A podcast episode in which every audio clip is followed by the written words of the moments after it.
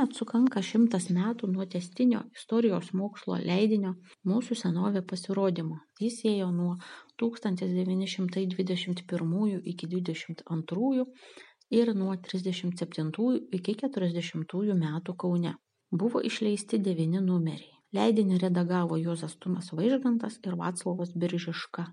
Leido Lietuvos Respublikos švietimo ministerija po 37 metų Vytauto didžiojo universiteto biblioteka. Spausdino Varpo spaustuvė Kaune ir Ryto spaustuvė Tilžėje.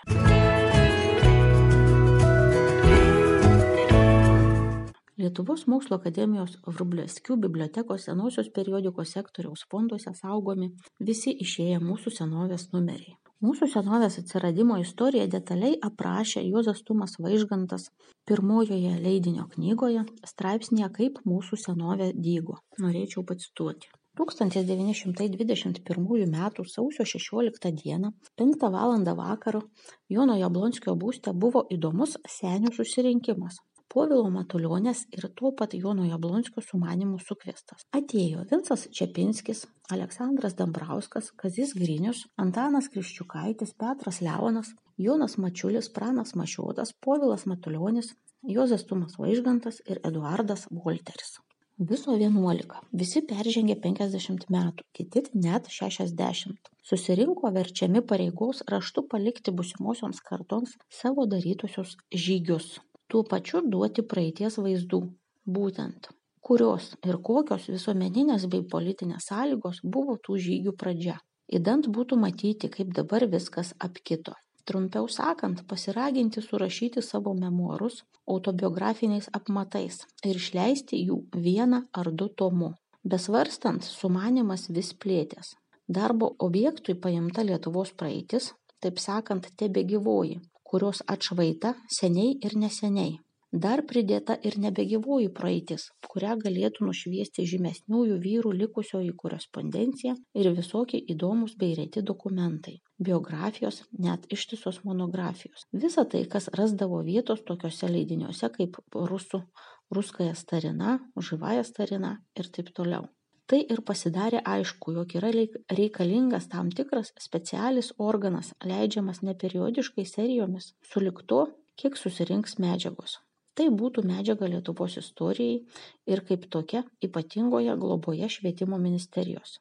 Susirinkusieji seniai paėmę iniciatyvą ir pasižadėję remti išrinko komisiją iš aleksandro dambrausko prano mašioto povilo matulionės ir juozo tumo pirmininkaujant jonui jablonskiui. Ta komisija gavo per savaitę galutinai nustatyti leidimų programą sugalvoti vardą ir sumanyt sąmatą į antrąjį senių dabar ir nesenių susirinkimą sausio dvidešimtą dieną. Be kitų dar atėjo jonas bulota kazimieras būga sofija čiurlionienė augustinas janulaitis petras klimas jonas laurinaitis vincas palukaitis ir antanas vireliūnas. Nusprendė leisti tam tikrą organą lietuvos istorijos medžiagai rinkti vardu mūsų senovė ne periodiškai sulig to kiek bendradarbiai bus darbštūs ir patieks raštų. Sąsiuviniais po dešimt maždaug lankų.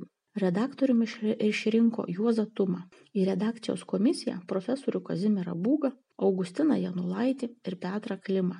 Redaktoriui pavedė sustatyti programą ir kreiptis į švietimo ministeriją kad ji šį leidinį finansuotų.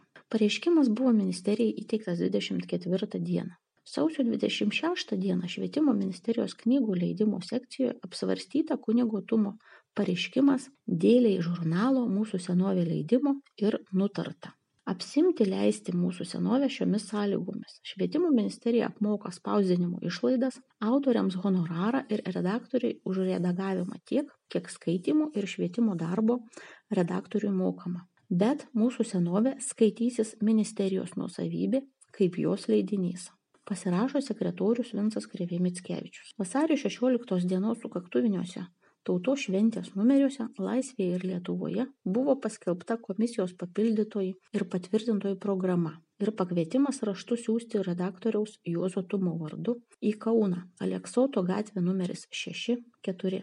Pažadėta honoraro. Ūmai susidarė ši pirmoji knyga. Jei ji vėlokai pamato pasaulį tai tik dėl stokos spaustuvių Dabar susipažinę jau su šiuo nauju leidiniu, piliečiai manome, dar didesnių norų imsitės plunksnos ir dairysitės aplink save, be nenutversite kokių senų dokumentų. Už sugaištą laiką bus atlyginta, dokumentai nusikopijavus bus sugražinti. Tai seniai prašom savo atminimus ir autobiografijas surašyti, neseniai archyvus išnagrinėti. Visi talkon, nes leidinys be galo simpatingas ir istorijos mokslui naudingas.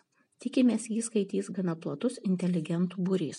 Kada tiksliai pasirodė pirmoji mūsų senovės knyga, nepavyko aptikti duomenų. E, pirmasis pirmojo numerio straipsnis turi kovo 15 dienos datą, todėl galima sakyti, kad leidinys pasirodė po 1921 m. kovo 15 dienos.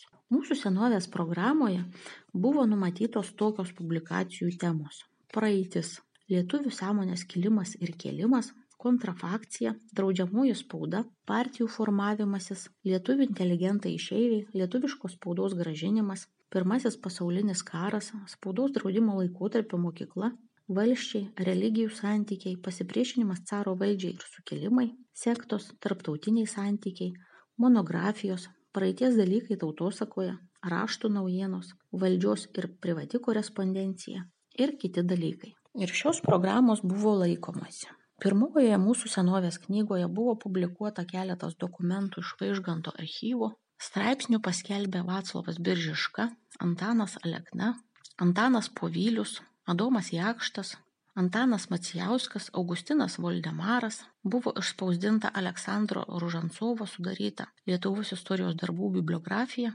publikuota lauryno ivinskio petro vileišio kazio būgos laiškų na ir kitų publikacijų be paminėtų asmenų leidinyje bendradarbiavo petras butėnas petras galaunė liudas gira adolfas sabaliauskas vytautas steponaitis juozas ulickas ir kiti kaip vėliau rašė vaclovas biržiška kunigo juozo tumo energija ir jo rūpesčiu ir visa mūsų senovė gavo savitą tumišką atspalvį. Redaktoriui rūpėjo ne tiek skelbiamos medžiagos objektingumas kiek jos nuoširdumas. Medžiaga buvo spaudai atiduodama tik gavus iš bendradarbių ir dėl to gana chaotiškai tvarkoma. Tuo būdu tačiau mūsų senovė virto aiškiu kunigo juozo tumo darbu jo asmenybė gražiai atsispindėjo ne tik jo paties pateiktuose raštuose bet ir daugumo bendradarbių kurie nejučiomis užsikrėsdavo redaktoriaus nuotaika ir ūpu daugumas juk tik jo išjudinti rašė.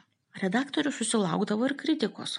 Galima paminėti pauliaus galaunės kritinį straipsnį publikuotą švietimo darbe.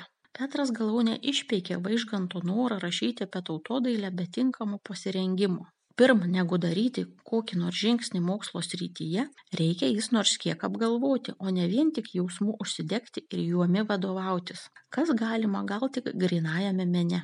Nereikia pretenduoti būti visažinančiam kai iš tikrųjų tų žinių trūksta. Pasirodo vaižgantas antrajame leidinio numeryje kaip lietuvių tautodailės kūrinį pristatė aštuonioliktojo amžiaus vokiečių ar lenkų raižytojo darbą.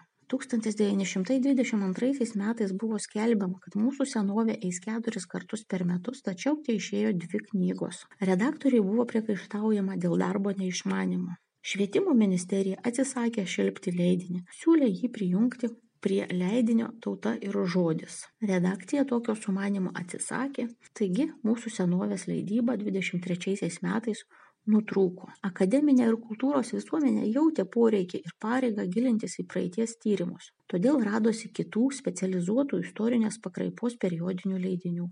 Karo archyvas praeitis mūsų tautosaka ateneum gimtasis kraštas senovė. Daug istorinės medžiagos buvo paskelbta laikraščiuose ir atskiromis knygelėmis. Vaižganto literatūros muziejuje kuris vėliau tapo vytauto didžiojo universiteto bibliotekos rankraščių skyriumi prisikaupė daug naujos neskelbtos medžiagos. Šiai medžiagai paviešinti lietuvos istorijos draugija nusprendė įsteigti leidinį pagerbdami vaižgantą leidiniui suteikė tą patį mūsų senovės pavadinimą. Redaktoriumi buvo paskirtas vaclovas biržiška leidyba pavesta vytauto didžiojo universiteto bibliotekai spausdinimas varpo spaustuvėje. Ir tūkstantis devyni šimtai trisdešimt septintaisiais metais mūsų senovė vėl pasirodė. Pagrindinė leidinio publikacijų tema išliko ta pati devynioliktojo dvidešimtojo amžiaus pradžios tautinis lietuvių atgimimas. Iš didesnių per kelis numerius išsitęsusių publikacijų galima paminėti paminėti Jono Butėno studija Lietuvių teatras Vilniuje, Juozo Bagdono Lietuvių paroda Paryžiuje 1900 metais, Vinco Maciūno Lietuviški dalykai Vilniaus Šubravcų satyroje.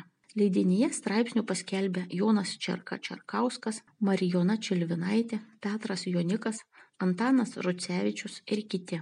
1940 metais leidinio gyvavimą nutraukė sovietų okupacija. Mūsų senoje publikavo daug vertingos istorinės medžiagos, kuri besidomintiems Lietuvos istorija išliko naudinga iki pat šių dienų. Parengė ir skaitė Jolanta Stasytė Berniūnenė.